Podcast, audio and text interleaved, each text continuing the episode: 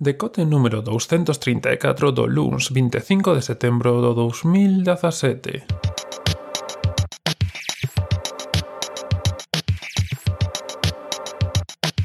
Estamos de volta, amigos e amigas do Paranormal. E digo amigas e amigos do Paranormal porque, evidentemente, despois de estar un tempo desaparecido, volver a aparecer é digno de Iker Jiménez. Ou alguén por o, polo estilo. Bueno, volvemos, voltamos despois do verán, voltamos despois destas vacacións, eu diría inmerecidas, pero como xa estiven, pois agora xa, xa non se pode un volver atrás.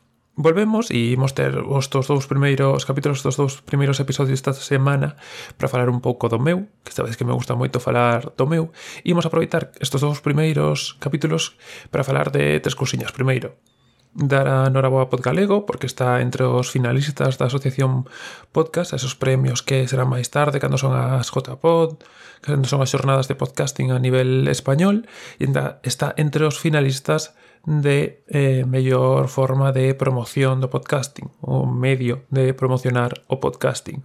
Está moi ben porque só promociona podcasting galego e en galego E así que, pois, a nosa máis sincera noraboa a SAC, que está detrás de todo ese momento, e, bueno, que, como falaremos mañá, se non me equivoco, será cando falaremos un pouco da historia dos podcast, pois contaremos un pouco como se iniciou todo ese movimento. Pero ese, imos falar da outra parte, imos falar un pouco da historia dos blogs. Non sei se si vos lo contei, pero eu tiven que facer o traballo fin de máster, un máster sobre creación, industria, sobre comunicación e industrias creativas, perdón, que... Eh, bueno, fixen un traballo fin de máster sobre blogs e podcast, que en concreto pois un pouco sobre a súa historia en Galicia, dende que apareceron os primeiros en galego ata os días de hoxe. Un proxecto que, ainda que xa está entregado, xa está presentado, eh, xa está valorado, digamos que non está rematado porque pues, evidentemente poden surgir moitas cousas. E así que hoxe e mañá hemos aproveitar este podcast para falar un pouco de eso, para que vos si que si queredes aportedes a vosa parte, porque ahora mesmo, unha vez que xa está entregado, xa non é cousa miña, sino que pode ser cousa de todos, e para pues, seguir agrandando estas dúas webs. Como os digo, hoxe vamos a falar da historia dos blogs que podes atopar en historiadosblogs.algue.net está todo baixo o mesmo dominio e desde aí pois tes o enlace xa directo para ir a historia dos podcasts De que falamos na historia dos blogs? Non quero alongarme moito con isto, ainda que seguramente se dos máis longos da temporada, porque, bueno, eh, son moitas cousiñas, foi moito traballo do que fixen e, e está ben.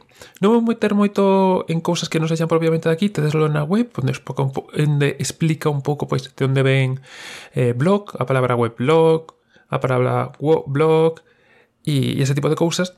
Pero sí que decirvos que hai un, tres estudos na web moi interesantes, son do ano 2006 os tres, pero falan un pouco de dos inicios dos blogs. En concreto falan que hai algúns datos que indican de, que dende o 97 pois hai artigos na rede en galego, ainda que parece que, que sexan blogs ou que estean ou que se poda decir con máis seguridade, eh, temos que datalos do 2001-2002. Ainda que, pois, pues, a través das miñas investigacións non pude saber cales eran. Quizá vos podes botar unha man e indicarnos algún destos, destos blogs primoxénitos, destos falangullos primoxénitos.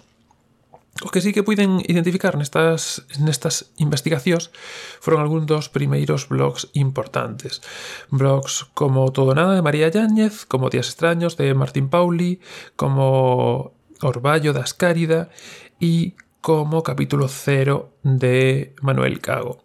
Capítulo 0, que presuntamente, que según se di, é o blog máis antigo que que continúa en activo. É do 2003, igual que estos outros tres que vos dicía. E, por si vos interesa, a palabra falangullo eh, ben está acuñada por María Yáñez, que para dar a benvida a este blog, a capítulo 0 de Manuel Gago, dicía outra... Oh, falangullo, no, perdón, blogomillo, debo dicindo mal todo, todo podcast.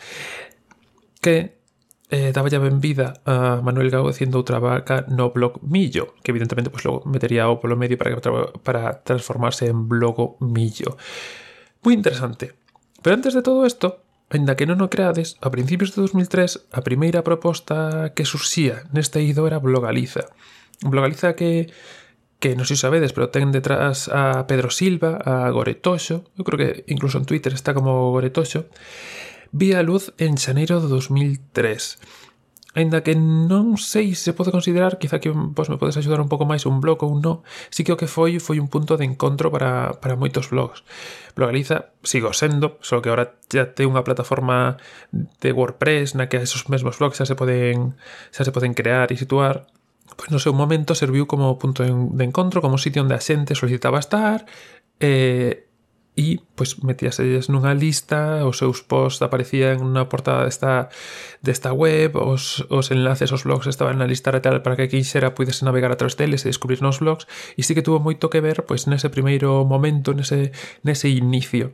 Incluso Goretoxo pois fala de, de sete blogs ou de sete persoas que xa estaban no 2002 que xa estaban dispostas a meterse neste, neste chollo pois un pouco difícil saber exactamente como empezou, sobre todo, pois intentei poñerme en contacto con el, pero non foi moi fructífero. Pero bueno, como digo, o proxecto ainda está en movimento e seguro que, que máis adiante podemos, podemos seguir facendo cousas.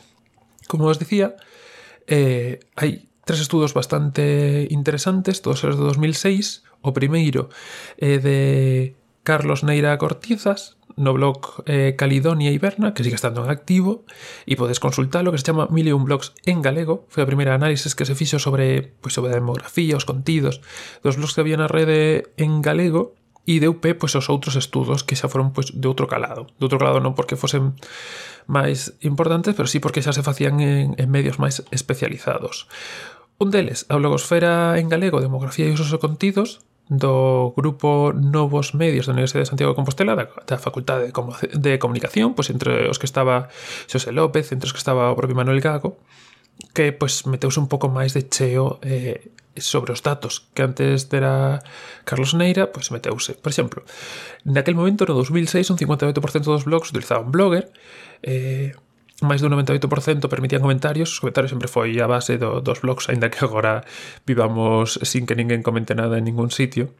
O 99% dos blogs non empregaba o podcast, porque, como veremos máis adiante, eh, en 2005 eh, o primeiro podcast que, que sae a luz, un 98% dos contidos é original, que son bueno, máis ou menos, e eh, só so un, un 11% das bitácoras tratan dous ou menos temáticas. Que ten que ver isto? Pois, sobre todo no momento inicial en que saían os blogs, era un pouco como as redes sociais de agora. Tratábase calquer cousa, falábase de todo, sobre todo o personal, do social.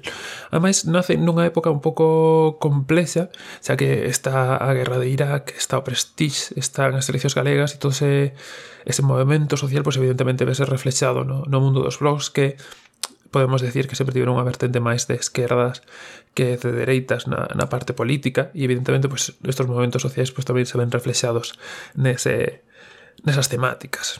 E o terceiro estudo eh, que sería a normalización lingüística do galego a través dos blogs, o caso Blogaliza, é un estudo de Lara do Pazo e David Lombao, David Lombao que coñecedes por, por Praza Pública, e que falan un pouco máis de, da importancia de Blogaliza, Ata que hai outros hai outras plataformas como Blogalego, pero bueno, neste caso centras en Blogaliza por ser a máis antigua eh, en facer que o idioma chega a máis xente. Temos que pensar que, que as redes sociais máis tarde, pero en principio os blogs e, e os podcasts foron a primeira forma de moita xente de poder expresarse libremente e chegar a moita máis xente. Antes non había esa opción, antes non había Esto de colgar algo na rede e que chegas a millóns de persoas simplemente porque tives en internet. E en que no, naquel momento, no 2006, só un 25% da poboación galega, da poboación galega no, das casas en Galicia, eh, tiñan acceso á rede, pois poder publicar algo e, e que o lese todo o mundo, que digamos que a outra opción sería enviar unha carta a un xornal e que xa publicasen, que non tiña por que ser o caso, pois abriu as portas a, a esta comunicación e a que a xente pudese expresarse máis libremente e que outra xente pudese lelo tamén máis, máis libremente. A verdade é que o traballo foi moi interesante de facer, foi un tute moi grande e, e quedaron moitas cousas, seguro, eh, no tinteiro. Pois tamén gustaríame traerlo por aquí, que vos me contedes e a vez máis cousas.